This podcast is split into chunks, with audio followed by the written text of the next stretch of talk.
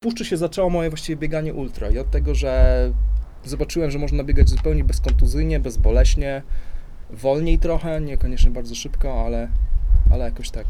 Czyli puszcza cię, powiedziałbym, otworzyła na, na Tak. dystans długi, że, Tak, że bo ja można biec, gdzie oczy bo ja, poniosą, tak? Bo ja nagle? sobie tą puszczę na początku eksplorowałem. Oczywiście sobie starałem się jak najwięcej nauczyć tych szlaków. To znaczy uczyłem się na początku na przykład w ten sposób, żeby nie brać ze sobą żadnej mapy, bo nie lubię gdzieś tam za- zaglądać do mapy.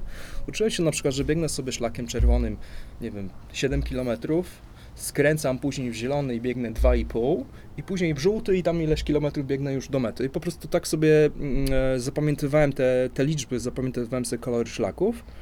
No i w pewnym momencie obiegłem wszystkie szlaki